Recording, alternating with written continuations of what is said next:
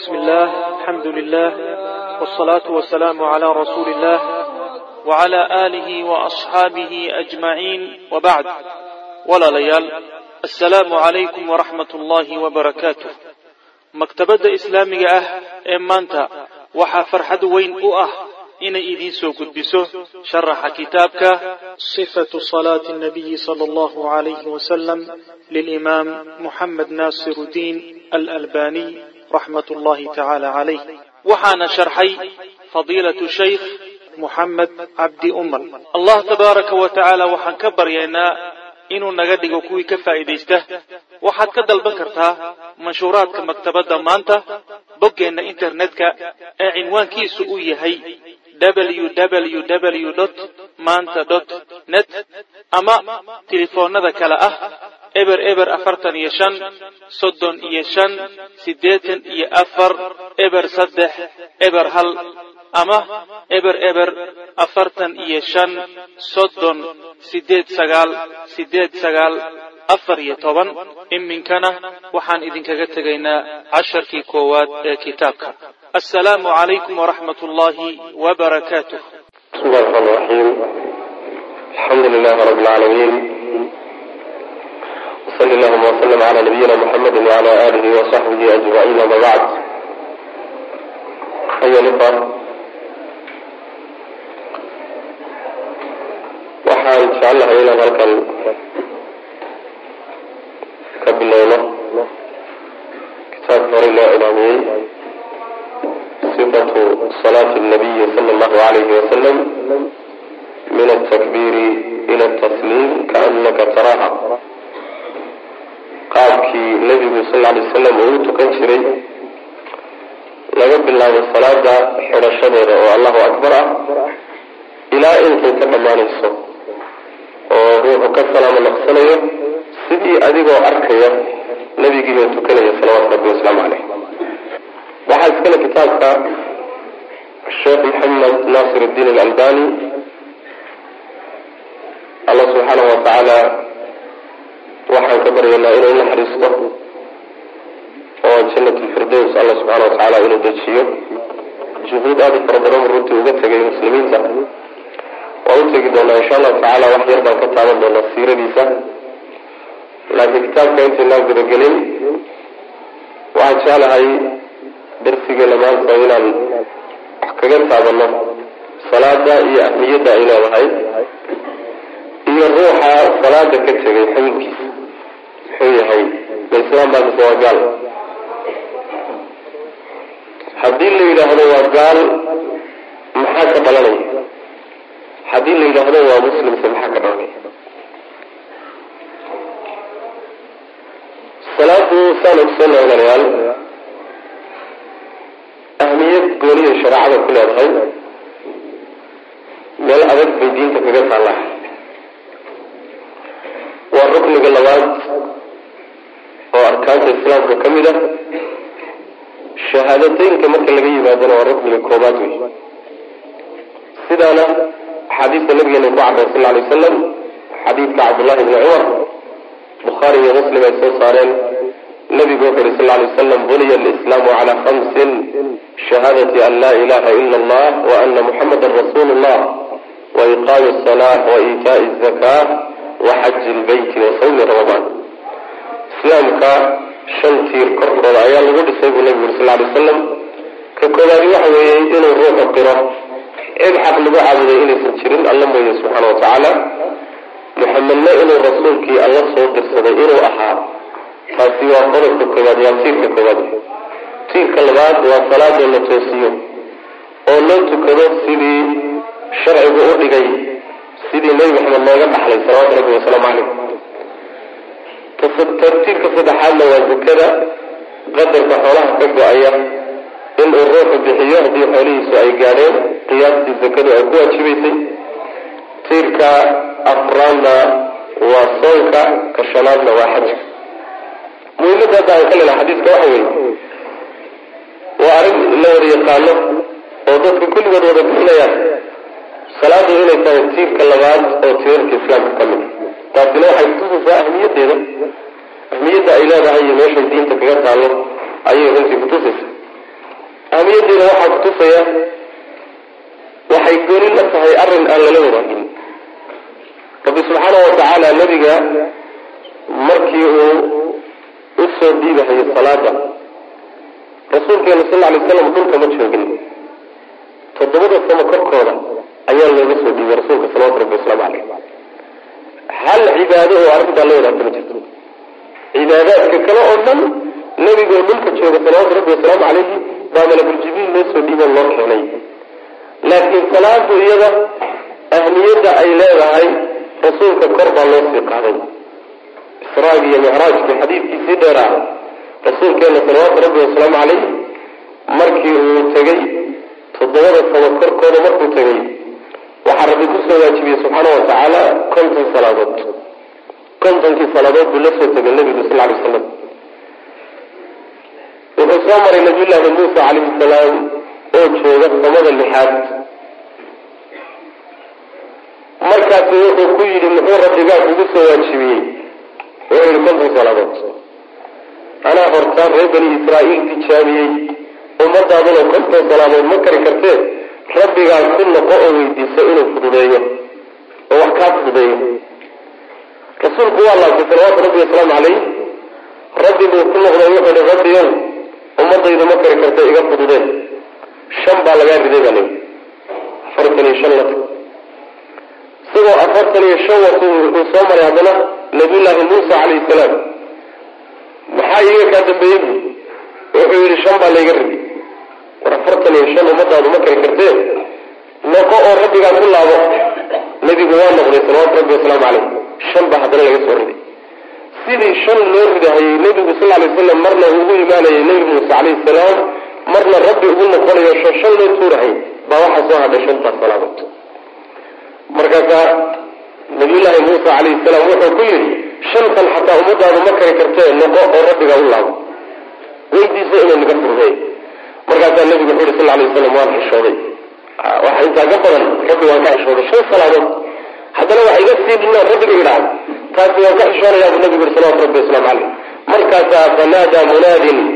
Waa la dhawaaqay marka huna khamsun wahuna khamsuuna laa yubadalu lqawlu ladaya waa shan salaadood xagga ajirkana waa konton salaadood bay la ajir saasayna arrintu ku dhammaatay lamana bedelayo buu rabbi yihi subxana wa tacala marka salaadahani hawshooda wax sahlan maa shantan salaadood. Hawshooda ma sahlana. Inaysa sahlanina waxaad ku garan kartaa rabbi umuusan doorin in nebigu dhulka jooga loo keeno. Toos inuu nebigu rabbigii uga soo qaato oo toddobada sano korkooda la geeyo saasuu rabbi u doonay subxaana wa tacala hal cibaado oo la wanaagsan ma jirto arrinta iyada.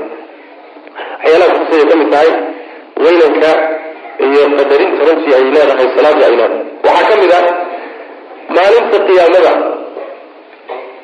Alla subxaana wa tacaala addoommada markuu xisaabinayo waxaa ugu horreeya oo laga xisaabin doono waa salaada qabla kulli shay. Sidaas xadiidka rasuulkeena ku taalla salawaatu rabbi wasalaamu caleyh xadiid duruq fara badan ku soo aroor dhow saxaabina laga warinayo.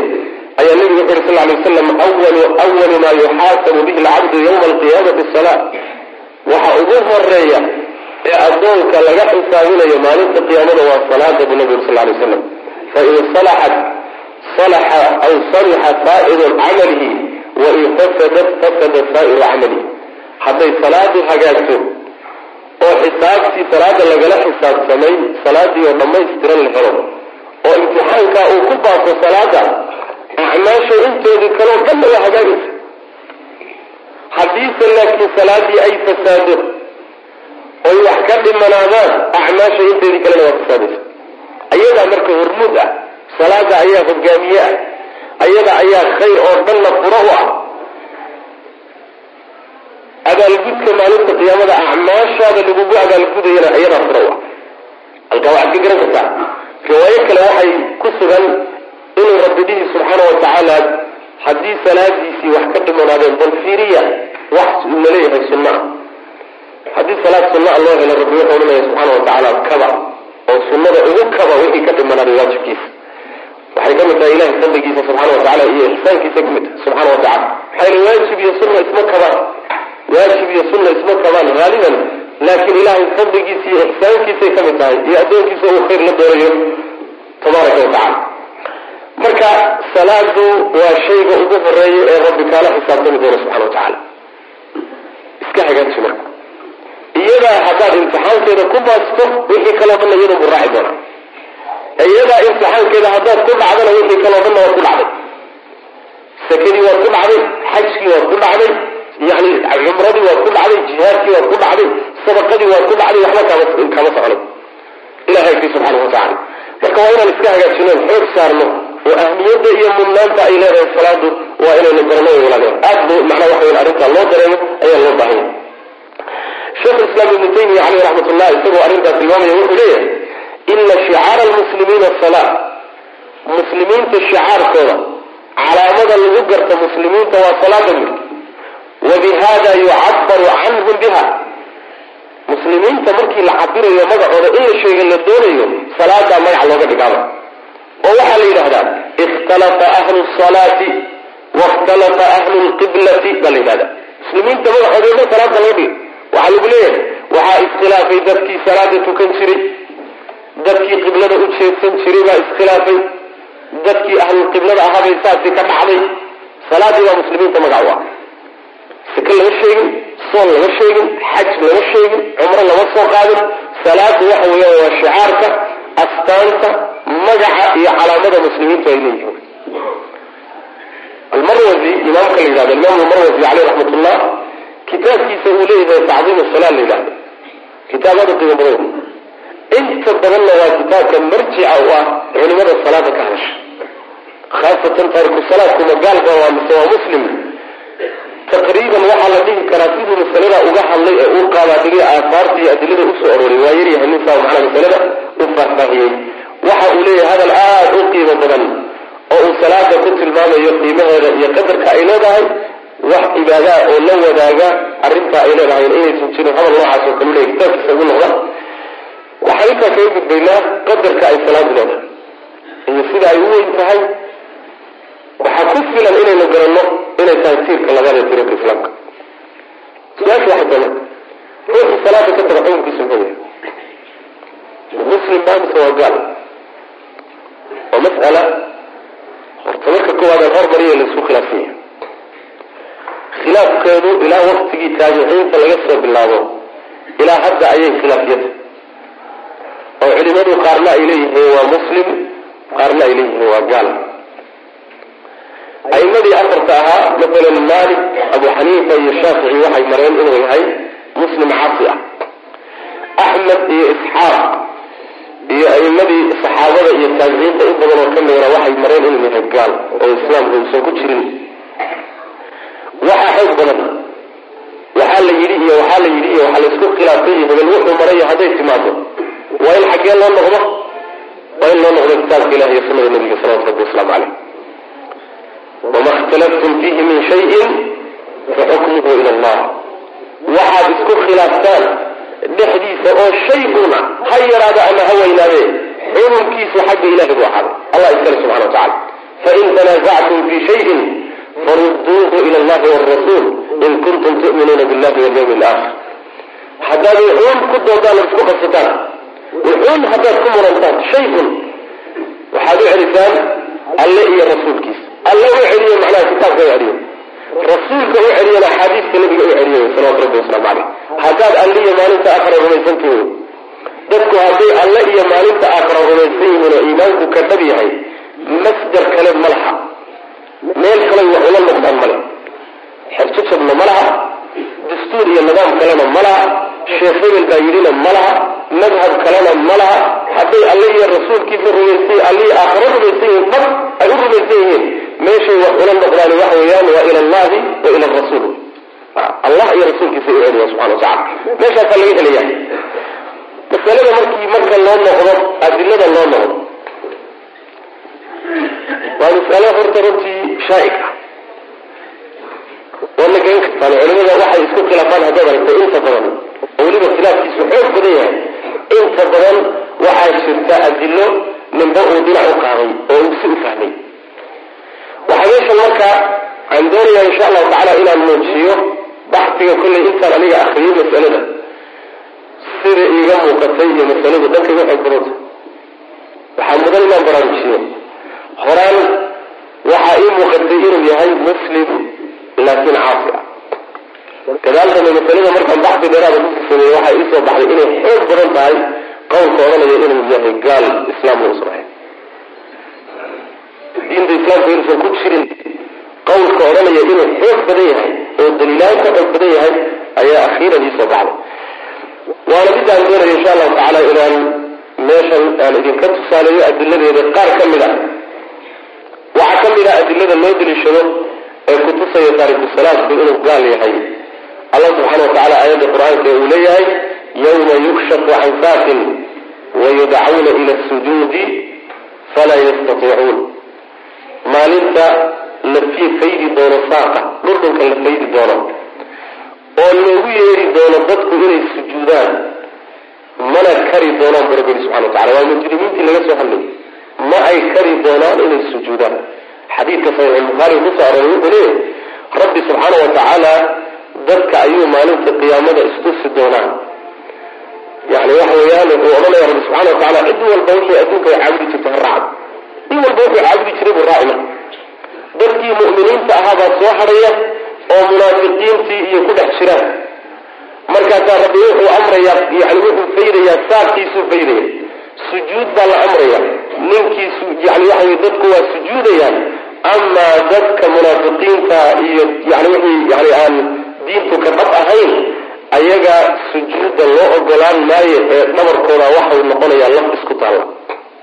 Markaasay sujuudi kari waayayaan meeshii dadkii wada sujuudeen oo dadkii tukan jiray ay sujuudeen ayagu dhabarkoodii wuxuu noqonayaa laf isku baxsan oo meelay ka laabantaba aan lahayn waa middaa uu rabbi subxana wa tacala aayadda ku sheegayo yudcauna ila sujuudi falaa yastatiicuun sujuud baa loogu yeerayaa mana kari doona ibn lqayim caleyh raxmat ullahi wuxuu leeyahy hada yadullu cala anahum maca alkufaari walmunaafiqiin waxay aayadda kutusaysaa inay gaalada iyo munaafiqiinta la meel noqonayaan oy la mid yihiin dadka salaada ka tegaya aayaddu saasay kutusaysaa buu leeyahy aayadda labaadee loo daliishadaayo waxay tahay dadka ahlu jannada markay jannada galaan su'aalay waxay su'aal weydiinayaan dadkii naarta galay. Waxay leeyihiin maa salakakum fi saqar.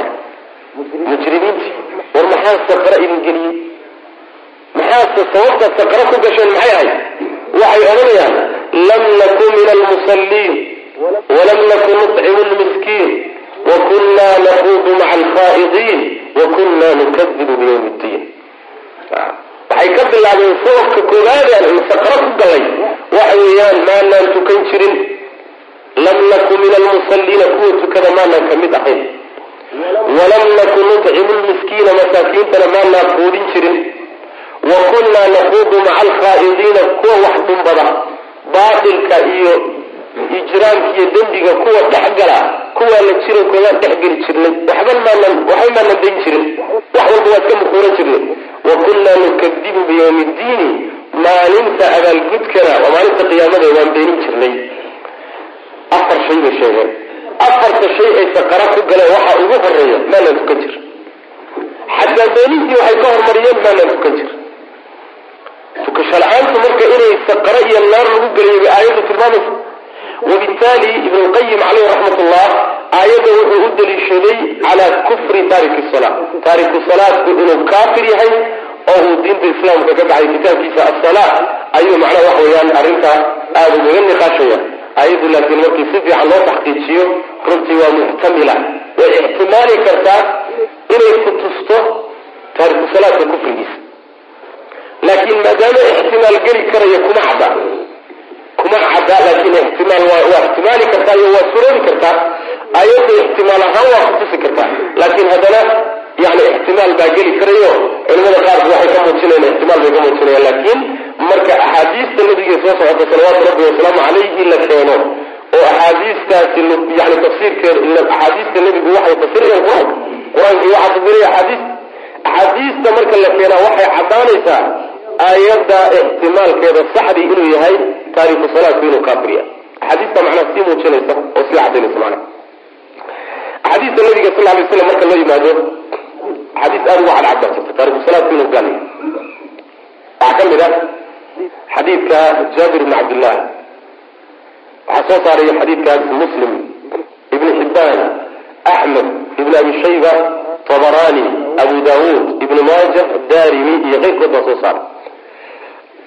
Nabigu wuxu uri sal lay slam ina bayna arajuli wa bayna ashirki waalkufri tarku salaa ninka iyo shirkiga iyo kufriga waxa u dhexeeya waa salaada ka tegitaankeeda macnaha waxa weye adiga iyo shay hebel waxaa idin dhexeeya waa derdigaas derdigaa hadduu meesha ka baxa soomaydaan isku banaanaan ma waxbaa idin dhexeey saas. Yacni shirkiga oo wadaajinta ilaahay iyo khalqigiisa wax la wadaajiya iyo kufriga oo gaaloobid ah iyo ruuxa waxaa u dhexeeya waa uun salaada. Salaada ka tegitaankeeda udhexeeya salaadii hadduu ruuxu ka tago macnaha isagiiyo gaalnimadii iyo shirkigii waa isku banaanaadeen wax udhexeeya ma jiro. Wax udhexeeyo kala teedaya ma jiro. Macnaheeda xadiidku wuxuu ku cadyahay inuu ruuxu gaaloobayo.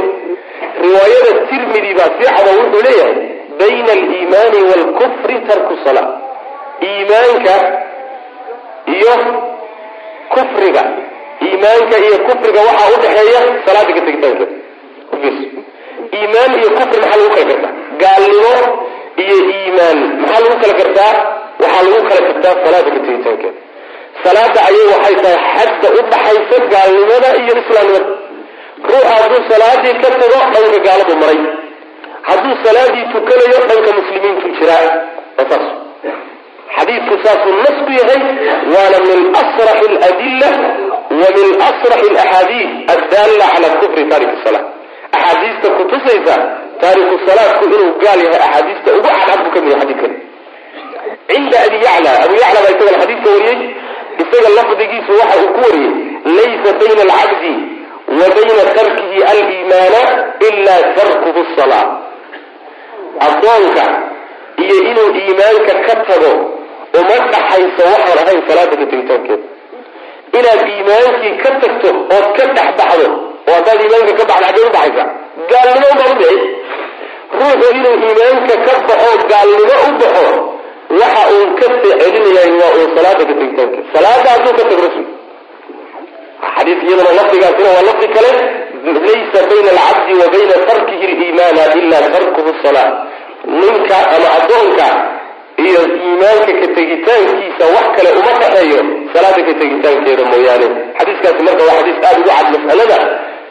Culimada taariku salaadku waa muslim tiri xadiiska waxay yidhaahdeen kufriga iyo shirkigaas waa kufrun duuna kufrin. Yani waa shirkigii yaraa ama kufrigii yaraa bay ku fasireen laakiin laba arrimood baa diidaysa.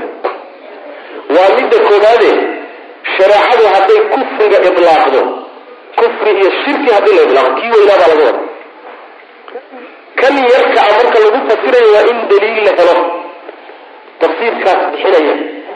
Xadiid kale waa in la helo odhanaya kii weynaa lagama wado kii yaraa baa laga wada kaasi aawe naska odhanaya kufrigii weynaa ma ahee waa kufri yar. Aawe ta labaadi waxa weeye labada kelimo ee kufri iyo shirki labadaba waa la macrifeeyey. Waxaa bayna alrajuli wa bayna alkufri washirki kufriga iyo shirkiga markii la macrifeeyo iyo markay la kira yihiinna waa gedisan sida waxaa taqriirinaya shaykhulislaam ibnu taymiya caleyh raxmat ullah iyo asheekh maxamed ibnu saalix alcuthaymiin iyo keyrkood baa taqriirinaya waxay leeyihiin marka kufriga iyo shirkiga la macrifeeyo macnaha wuxuu kutusayaa kamaal buu kutusaya yani waxa weeyaan shirkigii weynaa kufrigii weynaa sida iimaankaba marka la macrifeeyo uu ku tusayo kamaal aliimaan baa shirkiga iyo kufrigana marka la macrifeeyo wuxuu kutusayaa shirkigii iyo kufrigii weynaa saasaa daahirka xadiiska ah haddii la yidhahdo daahirka ha laga baxana waxaa loo baahan yahay in la helo daliilkii daahirka ka saarayey ee u saarayey macno kaleeto oo macnaha waxa weye marjuuxa u bixinayo dhankaa u leexinaya loo baahan. Leanna nusuusta waa in lagu wado daahirkeediya macnaha mutabaadirka ah ee marka hore soo degdegay haddii macnaha laga baxayo macno kale loo baxayo waa in la helo daliil kutusaya macnaha kale ee shaaricu u jeedo waa in la helo. Saxaabiga xadiidka warinaya oo jaabir bn cabdillaahi ah waxaa la yidhahdaa waa qawaacidda ka mid a raawi lxadiidi adraa bimarwiyihi xadiidka saxaabiga warinayahay shayguu wariyey isagaa u aqoon badan. Isagaa nin walba ka yaqaan.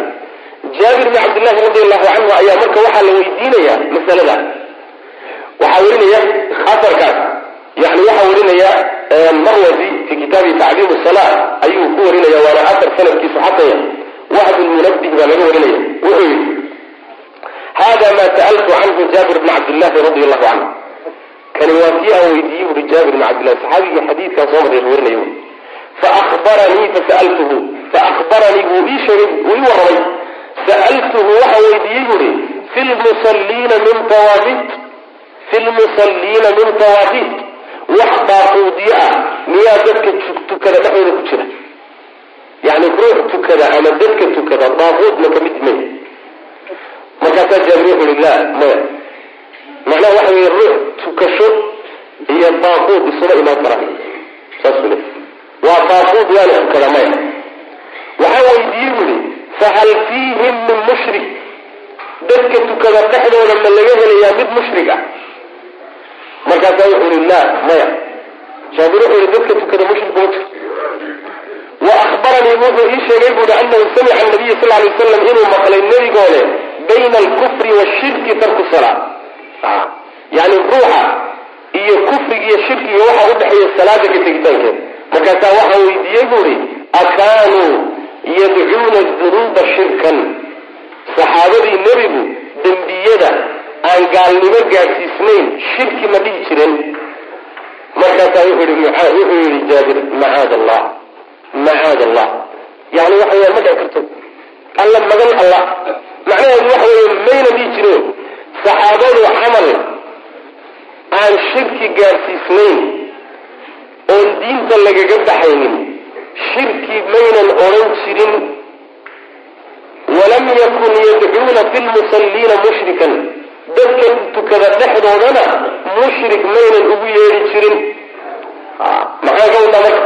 Waxaan u daliishanaynaa jaabir bni cabdillaahi radi allahu canhu waxa uu leeyahay yani markii la weydiiyey acmaasha saxaabada nebigu shirki maynan odhan jirin waxaan gaalnimo weyn ahayn. Hadalkaasi wuxuu ka hor imaanayaa qaacido qawaacidda ka mida laga dhaxlay ahlusunna waljamaaca bal saxaabadiiyo taabiciinta qaar ka mida ka sugan oo ah gaalnimadu qaarna waa mid yar midna waa mid weyn. Shirkiga iyo kufriga labada kufriga iyo shirkiga labada iyo fisqiga iyo dulmiga iyo waa qaysamaan dulmun duuna dulmin iyo fisqun duuna fisqin wa shirkun duuna shirkin kufrun duuna kufrin. Saxaabada ka suganta cabdullahi bn cabbaas uu ka mid yahay ka suganta ayib jaabirna muxuu leeyahay waxaa la yidhi akaanuu yadcuuna dunuuba shirkan? Dembiyada shirki miyay odhan jireen oo ku islaafi jireen. Wuxuu yidhi macaad allah hadalkaasi marka sida uu qaacidadaa u waafaqo ayaa waxaa leeyahay waa in la yidhaahdo shirkiga hadday shareecadu itlaaqdo oo qur'aanku itlaaqo ama sunnada nebigu ay itlaaqdo saxaabada nebigu shirkiga saa loo itlaaqay maynan odhan jirin waa shirki yar mayna odhan jirin. Marba haddii sharcigu itlaaqo daliil qaydana aan la helin waxay ku dayn jireen inuu yahay shirkigii diinta lagaga baxayay laakiin shirkun duuna shirkin mayna odhan jirin. Saxaabiga xadiidka warinayo jaabir bn cabdillahiya markaa sida ka muuqata fahamkiisa uu xadiidka ka fahmay wuxuu xadiidka ka fahmay taariku salaadku inuu gaal yahay diinta islaamka ka baxay. Shirkiga iyo kufriga xadiidka nebigu ku sheegayna inuusan ahayn kii yaraa ee uu yahay kiinta kii diinta lagaga baxayay. Sidaasi waa fahamka jaabir bni cabdillahi radi allahu canhu saxaabiga xadiidka warinaya waxaana fiican naska haddii uu saxaabiga tafsiirkiisa laga helo in tafsiirka saxaabiga la maro. oo ninka warinaya maxaa yeelay waxyaabo fara badan oo annaga aanaan goobjoog u noqon karaynin oo ka qayb qaadanaya xadiidka fahamkiisa asbaab badan oo xadiidka fahamkiisa qayb ka qaadanaya ayuu isagu goobjoog u ahaa. Sidaas daraaddeed xadiidku nas wuxuu ku yahay taariku salaadka inuu kaali waxaa ka mid ah xadiidka kutuunsa xadiidka burayda ibni xusayn nasaa-i iyo tirmidi ibni maaja ibni xibaan iyo xaakim iyo axmed iyo keyrkood baa soo saaray. Nabigeena wuxu yuri sal ly waslam ina alcahda aladii baynana wa baynahum asala cahdiga iyo ballanta annagiyo gaalada noo dhaxaysay waa salaad faman tarakaha faqad kafar buu nabi yuri sal lay waslam annagiyo gaalada cahdiga cahdiga waa mitaaqa waa ballanka. Ballanka annagiyo gaaladana lagu kala garto ee la kala sooca waa salaada buu nabigu yuri salawatu rabbi waslamu caleyh ruuxii ka tagana waa gaaloobay. Waa kufriyey buu nabigu yuri salawatu rabbi waslamu caleyh xadiiskaasina waa xadiidka labaad oo kutusaya taariku salaadku inuu kaafir yahay xadiidka saddexaad waxa weeye xadiidu rasuuli lahi sal lay wasalam awalu ma tafqiduuna min diinikum alamaana waina aakhira ma yabqa min diinikum asala wa fii riwaayatin waakhiru ma tafqiduuna asala nabigu wuxu yuri sal lay slam waxa ugu horeeye diinta diintiina ka mida eed waayi doontaani amaanada wayaan bu nabi sal lay slam amaanada ugu horreysa wax diinta la waayo. Kadibna waxa ugu dambeeya diintiina ood waayi doontaan waa salaada buu nabigu yuri salawatu rabbi waslamu caleyh riwaayo kale waxay leedahay wa aakhiru maa yabqa min diinikum sala waxa ugu dambeeye diinta hadha diinta waxa ugu dambeeye ka hadhayo waa salaada salaada ruuxu hadduu ka tago wixii ugu dambeeyey diinta ayuu ka tegay wixii ka horeeye horuu uga tegay xadiiska taahirkiisaas xadiiska sida ka muuqata waxa weeye wixii ka horeeyey oo dhan horu uga tegey. Salaada uu ka tegey waa qodobkii ugu dambeeyey ama tilaabadii ugu dambeeyey ama stagekii ugu dambeeyey wey ee uu ka dhaqaaqay. Wixii ka horreeyey ba hore uga tegey. Sidaas daraaddeed taariku salaadku waxba kuma laabno. Wax diin oo ku laabani ma ay jirto. Xadiidkaasi waa xadiid saxiixun ligayri ah waxaana laga wariyaa jamaaco saxaabada ka mid a waxaa ka mid a cabdullahi bn mascuud cumar bn khataab xudayfat bn lyamaan anas bnu malik ayaa kulligood warinaya. Waxaana soo saaray tabaraani bayhaqi cabdirazaaq iyo keyrkood baa soo saaray xadiidkaas. Waa xadiid sugan oo nabigeena ka sugan salawatu rabbi wasalaamu caleyh axaadiista kutusaysa waxaa ka mid a taariku salaadku inuu gaal yahay. Ibn xibbaan iyo xaakim iyo axmed xadiid ay wariyeen. Abi umaama saxaabiga la yidhahda nabiga ka warinaya salawatu rabbi waslamu caleyh wuxuu nabigu yuri sal lay wasalam latunqadanna cura lislaami curwatan curwa. Islaamka guntimihiisa ama sidooyinkiisa mid mid baa loo furi. Fakullama intaqadat curwatun tashabata annaasu bilatii taliiha. Mar kasta oo ay guntini furanto midda ka dambaysay dadku ku dhagayaan alxukmu wa aakhiruhunna asalaatu bu nabi uri sal lay waslam guntinta ugu horaysa ee la furi doono diinta islaamka ka mida la jebin doono waa xukunka buu nabi uri salawatu rabbi waslamu caleyh waxa ugu dambeeya oo la jebin doonana waa salaada bu rasulku yuri salawatu rabbi waslamu caleyh macnaheedu waxa weeye diinta guntiyadeeda in yar in yar baa looga tegay mid mid mid markii laga tago kii ka dambaysay bay dadku dhaweeya waxay ka dhigan tahay oo kaleeto oo misaalkiiyo tusaalaha lagu bixinayo sidii adigoo xadhig xadhig baad doonaysa inaad meel sare ku fuusho meesha sadxigaabu ka soo laalaaba xadhig xadhigu guntimaba la qabsado leeyahy guntimaha la qabsado gacantaadu ilaan xadhigu markuu keligi yahay waa ka simanaysaa guntintu waxay xidhinaysaa yani gacantiina xidhinaysa inaysan ka simanna xadhig markaad guntin ku dhegto taasaad furanaysa. Haddana kii ka xigtay waad qabsanaysaa waa furanaysaa haddana kii ku xigtay ruux qabsanaya waa la furanaysaa guntin guntin baa islaamku u furmaya oo dadku uga tegayaan. Waxaa ugu horreeya xukunka buu rasulku yuri salawatu rabbi waslamu caleyh soo lagama tegin dowladnimada hasaas. Waa laga tegay dowlad islaam oo kumanoo khaliifa khilaafa raashi yani khilaafo ahoo diinta islaamka maamulaysa muslimiinta o dhan wada matasho oo goormaa ku darisay qarniga bilowgiisa wixii ka dambeeyey dowlado yaryar oo isticmaalka samaystira noqdeen.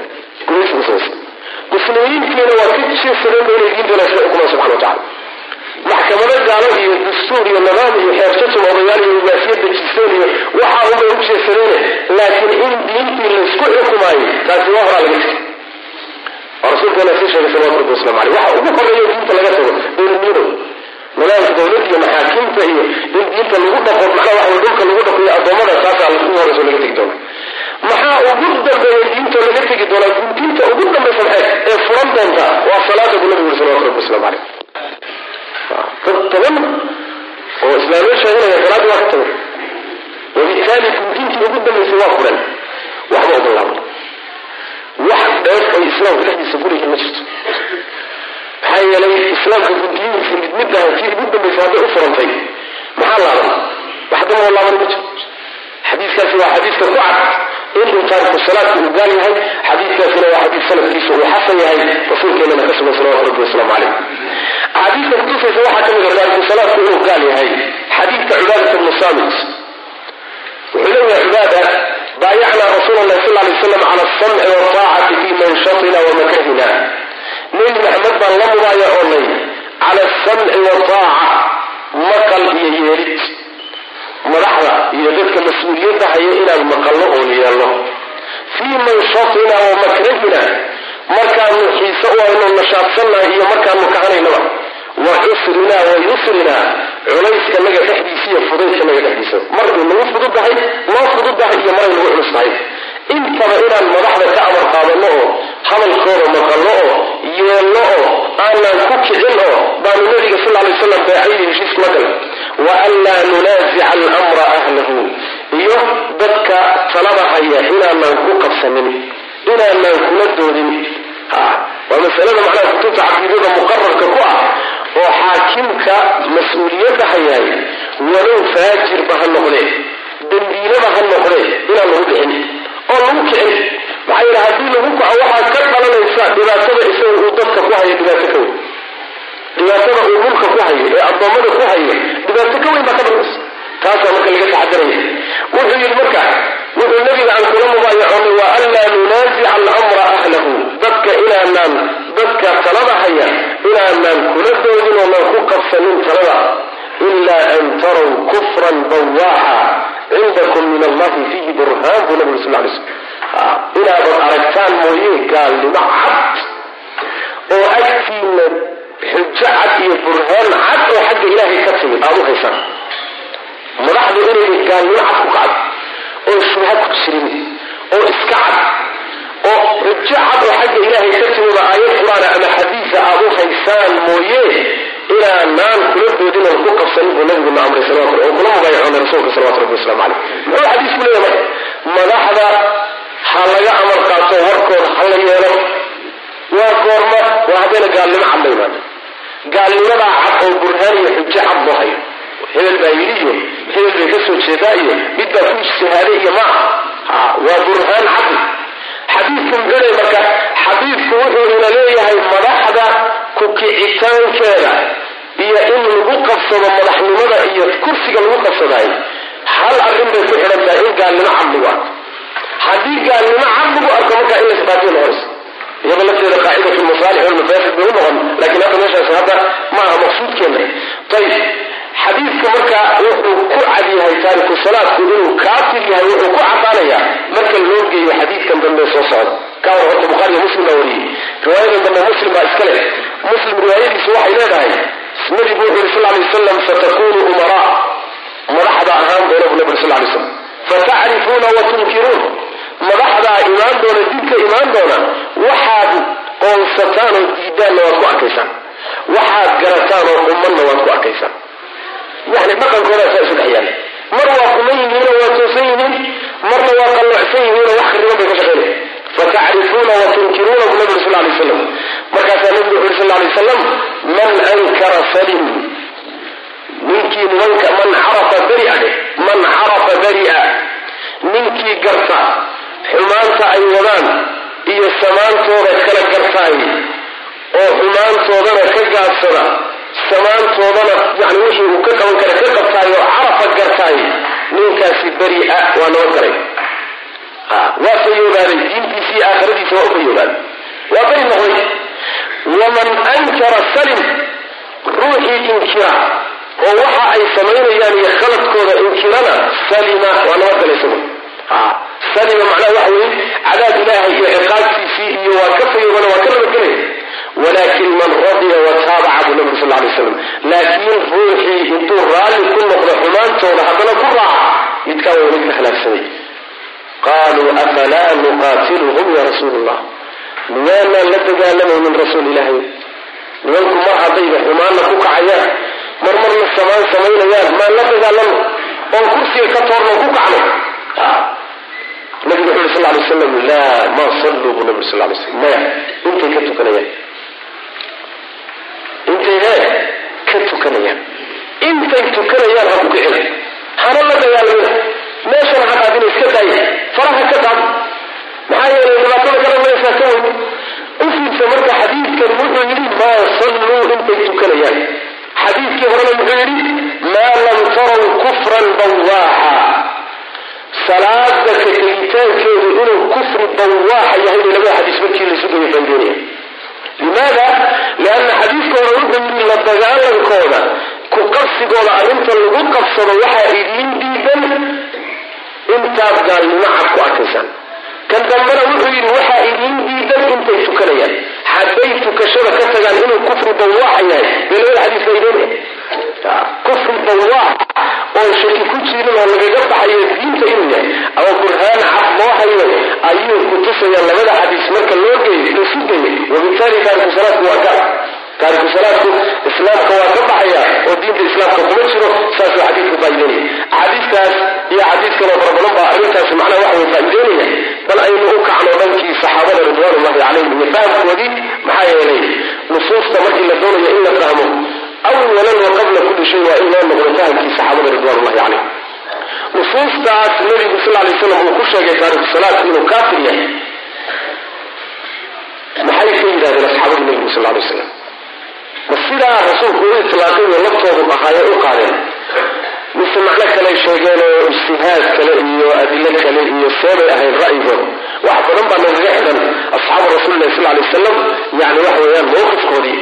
Maxaa yeele wuxuu fasiraya axaadiista nabiga sal lay wasalam rabbina subxaana wa qur'aanku ku sheegay dariiqada saliimada inay tahay asxaabu rasuulilahi sal lay wasalam manhajkoodi iyo ariiqoodi in la maro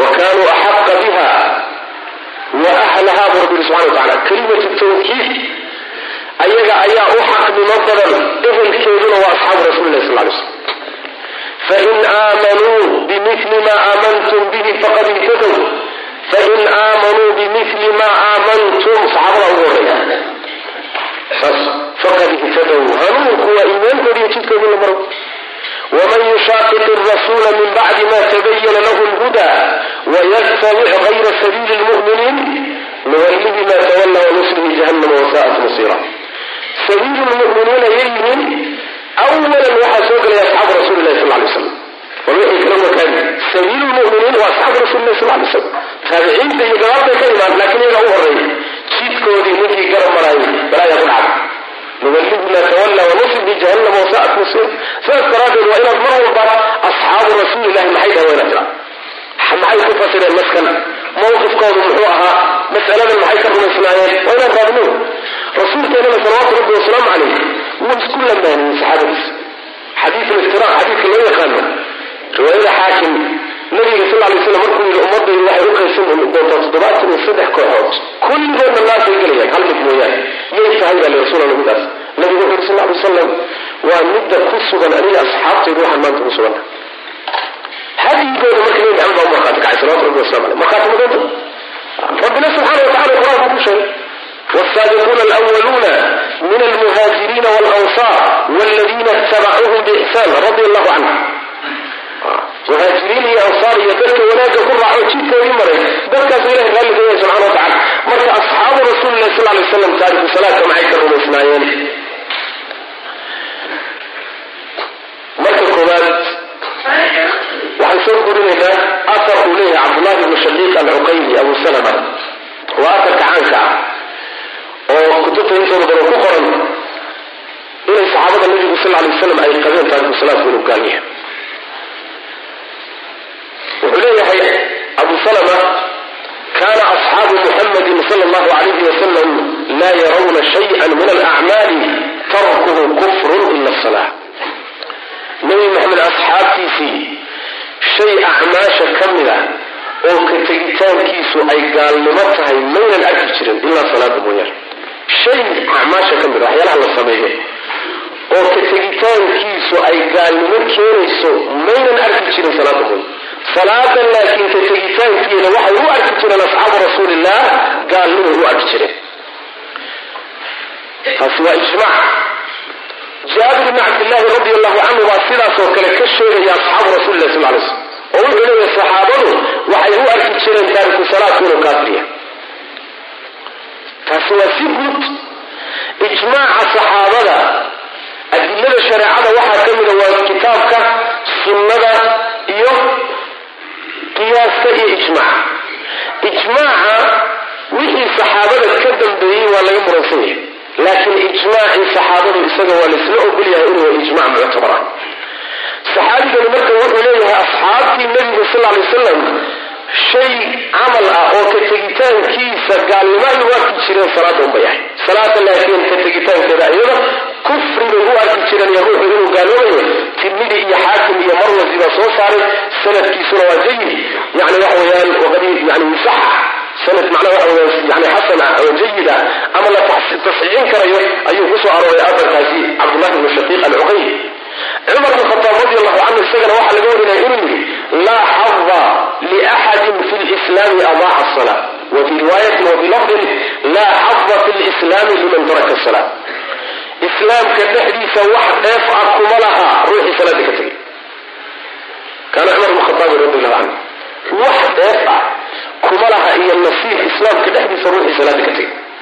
Afarkaasi maalik cabdirazaaq ibn abi shayba marwasi daara qutni waa soo saaray waana afar saxiixa oo cumar bn ka sugan. Cabdullahi bn mascuud isagana waxaa ka sugan inuu yidhi man lam yusalli falaa diina lahu.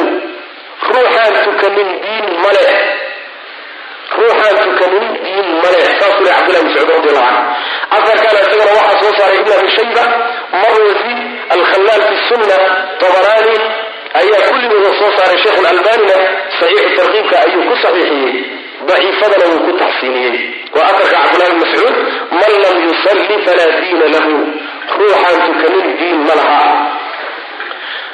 waxaa ka mid ah aqwaasha saxaabada ridwaan ullahi calayhim afarka xudayfat bnulyamaan laga wariy wuxuu leeyahay xudayfa wuxuu leeyahay nin wuxuu arkay xudayfe nin yani ra'aa rajulan laa yutimu alrukuuca wasujuud wala sujuud xudayfa wuxuu arkay nin tukanaya laakiin rukuucda iyo sujuudda aan dhamaystirayn salaadiis waa salaad ciyaar ciyaar rukuucdiina ma dhamaystirayo isagoon dhamaystiran yani waxa weyaan aan ku sugnaanin buu ka soo toosay sujuuddiina isagoon ku sugnaanin buu ka soo boodhaya nin nooca u tukanayu arkay xudayfa ibnu yamaan xudayfat saaxibu rasuuli lahi sal lay slam markuu salaadiisii dhamaystay xudayfa wuxuu ku yidhi maa sallayta maada tukanin?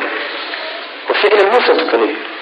Xadiiskaan u tegi doona ninkii salaadiisa xumeeye nabiga agtiisa ku xumeeyey soo nabigu muusan ku dhihi irjic fa inaka lam tusalli saluu qol waxba maada tukanina salaada ku noqonin sidii oo kale ibnu wuxuu ku yidhi ninkan waxba maada tukanin maadaama aadan rukuucdiiyo sujuuddiiba sixinba markaasaa wuxuu daba dhigay walow mitta mitta calaa gayri lfitra haddaad saa ku dhiman lahayd adoo salaada saa u tukanayana waxaad ku dhiman lahayd diinta islaamka diinaan ahayn limaada leanna salaadu waa rukuucdii sujuuda arkaanteeda haddaad hadlayso salaad maada tukan haddaad qaabkaa u dhiman lahayd oo adoo saas ku socda aad dhiman lahayd diin la'aan baad ku dhiman lahayd diin islaamna maada ku dhimatay ninkii rukuucdii sujuudda xumeeyey hadduu diin la'aan dhimanayo ninkii weligiiba aan ilahay u sujuudin ka warramo muxuu isagu dhimanaya maxaa kartaa muxuu ku dhimanaya isagu laa shaka fi kufri. Gaalnimadiisa kaa kuma jirto. Inuusan islaam ahayn shaki male waxaa laga wariyaa aataar aad u fara badan baa sidoo kaleeto taabiciinta laga wariyaa saciid ibnu jubayr iyo cumar bin cabdilcaziiz iyo makxuul iyo rag badan baa laga wariyaa aataar fara badan oo hadda soo aroorintooda oo waktigu isan noo saamaxaynin laakiin yakfi asxaabu rasuuli llahi sal alay wasalam inay isku waafaqeen taariku salaadku inuu kaafir yahay. Wuxuu leeyahay sheekh abulxasan almaridi xafidahu llahu tacala kutubta laga qoray masalada kutubta kitaabka runtii waxa aan is leeyahay min annaaxiya alxadiifiya wuu ururiyey wuxuu ku soo arooray taqriiban. Ayuu leeyay sabiil najaah wuxuu leeyahay mas'alada si kasta haddaan u baaray.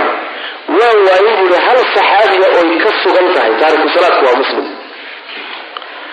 Bal hal nin oo taabiciinta ka mida oy ka asaxday taariku salaadku waa muslim ma aanan arag buuri zuhri ka hor baara zuhrina waa taabici sagiira taabici taabiciintii ka horreeyey rag laga hayo inuu gaal yahay iyo ragaan laga waxba laga hayo.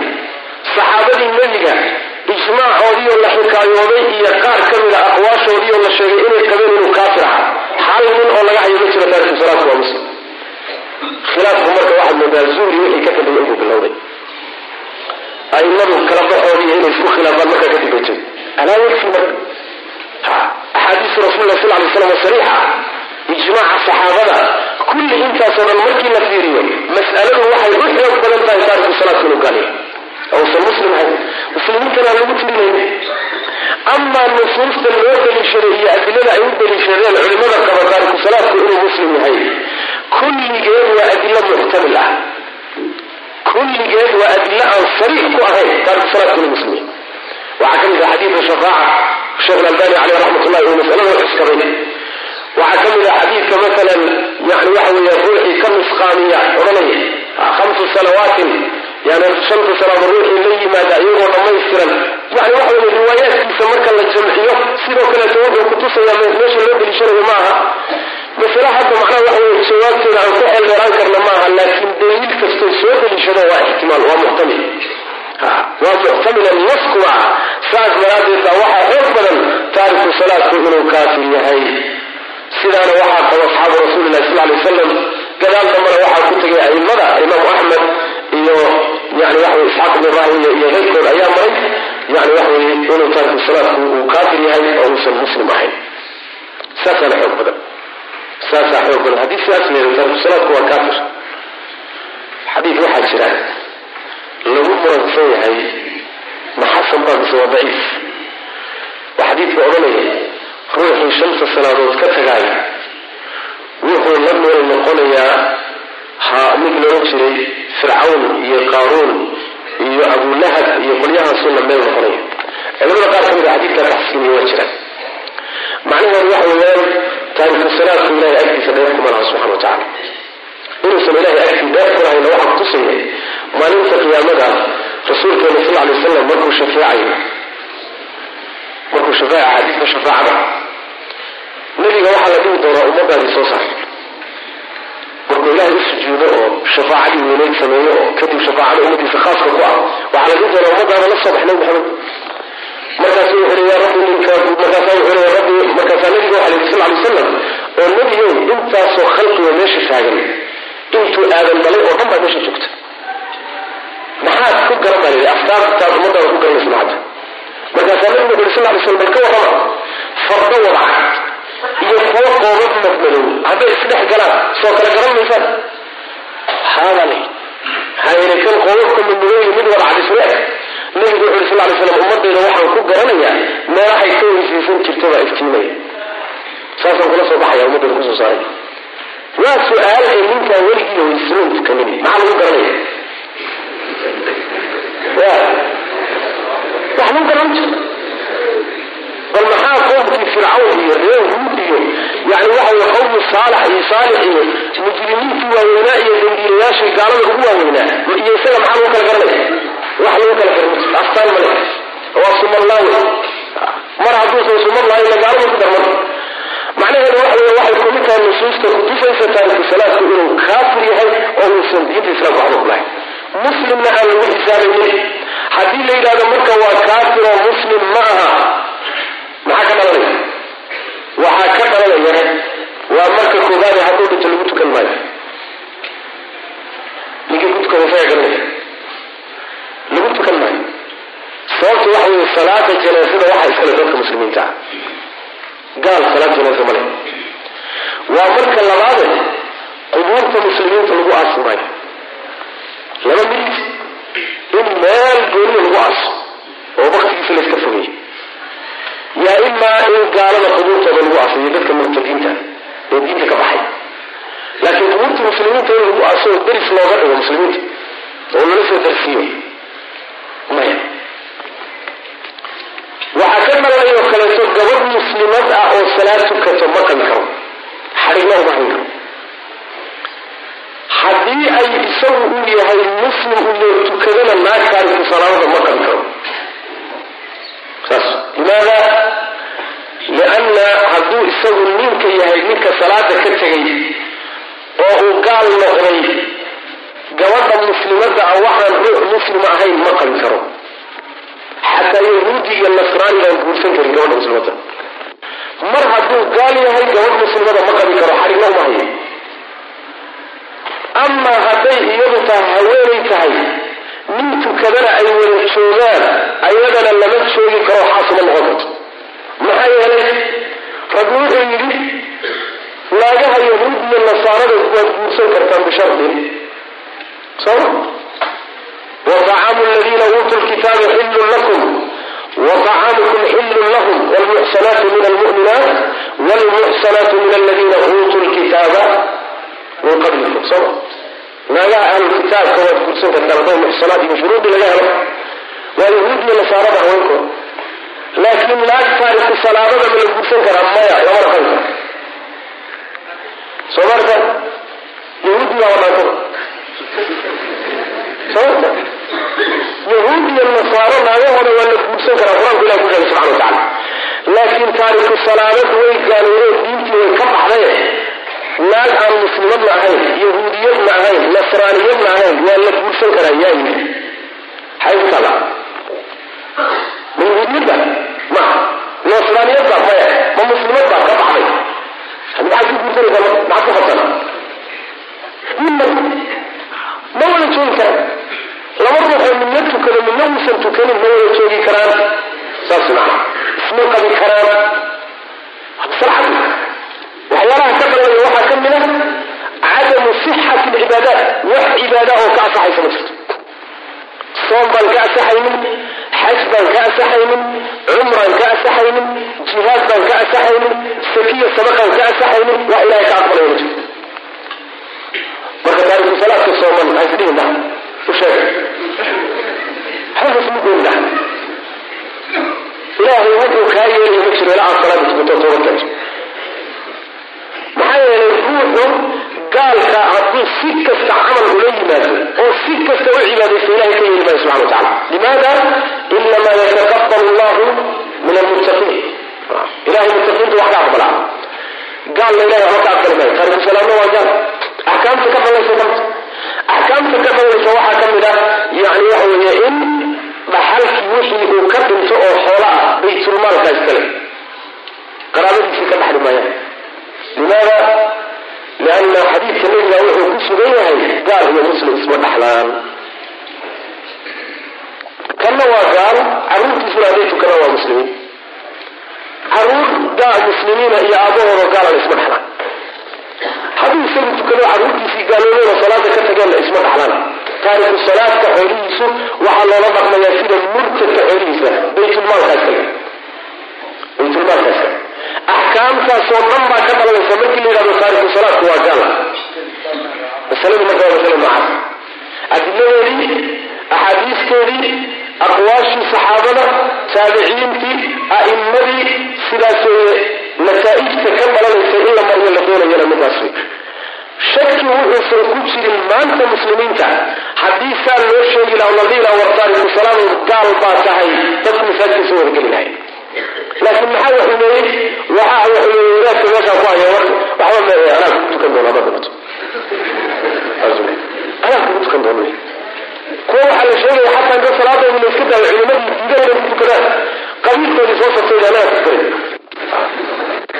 oo maxoogba xoogba malaha waxaad leedaysaa macna waxa wey maaratay qabiilkii la isku laayay waddanka lagu qasay lagu kala adkaaday ilahay agtiisa wax ka yahay xooga maha boqol salaadood haddaad ku tukataan ilahay agtiisa waxba kamaa subxana watacala ku talagelin ma doonaysaa ilahay subxaana wa inuu ku naxariisto waxaad samaysaa salaad ku waxa kale oo dhan waa yimixi markii salaada loo fiiriyo saas daraaddeed ninka sinaysanaya ninka wax dilaya ninka wax dhacaya ninka wax xadaya ka isbaarada u taallo ka wax burburinaya ee haddana tukanaya wuxuu ka fiican yahay boqol goor taariku salaadka intaa midna aan samaynay wasay ku dhacday sheekhu waxay ku dhacday intaa midka samaynaya waa muslim caasi ah. Soo ma? Laakiin salaada ninka ka tegana muslim ba wa farqun bayna almuslimi waalkaafir saas marka wax kaloo dhan ha kaa suuroobo laakiin salaada tigitaankeeda kaa suuroobo waxa kaloo dhan shaydaan waa kugu xambaari kara naftaadii hawadaada waa kugu xambaari kara waa ku simbirxan karta? Laakiin salaadka tegitaankeeda inaad saa ku dhimato ood rabbigaa hor tagto adoon u sujuudin oon u middaa iyada aad ka taxadar haddaad ilahay agtiisa wax ka doonaysa subxana wa tacaala. Intaas darsigeena maanta ku haya insha allahu tacaala wixii ka dambeeyana kitaabka waynu geli doonaa. Biidn illah hada wabillahi tawfiiq sal allahu wasalam cala nabiyina muxamed wala alihi wasaxbi wasalam walaalayaal halkaas waxaa noogu dhammaaday darsigii koowaad ee kitaabka sifatu salaati nabiyi sala allahu calayhi wasalam allah tabaaraka wa tacaala waxaan ka baryaynaa inuu naga dhigo kuwii ka faa'iidaysta. Assalaamu calaykum waraxmat ullaahi wabarakaatuh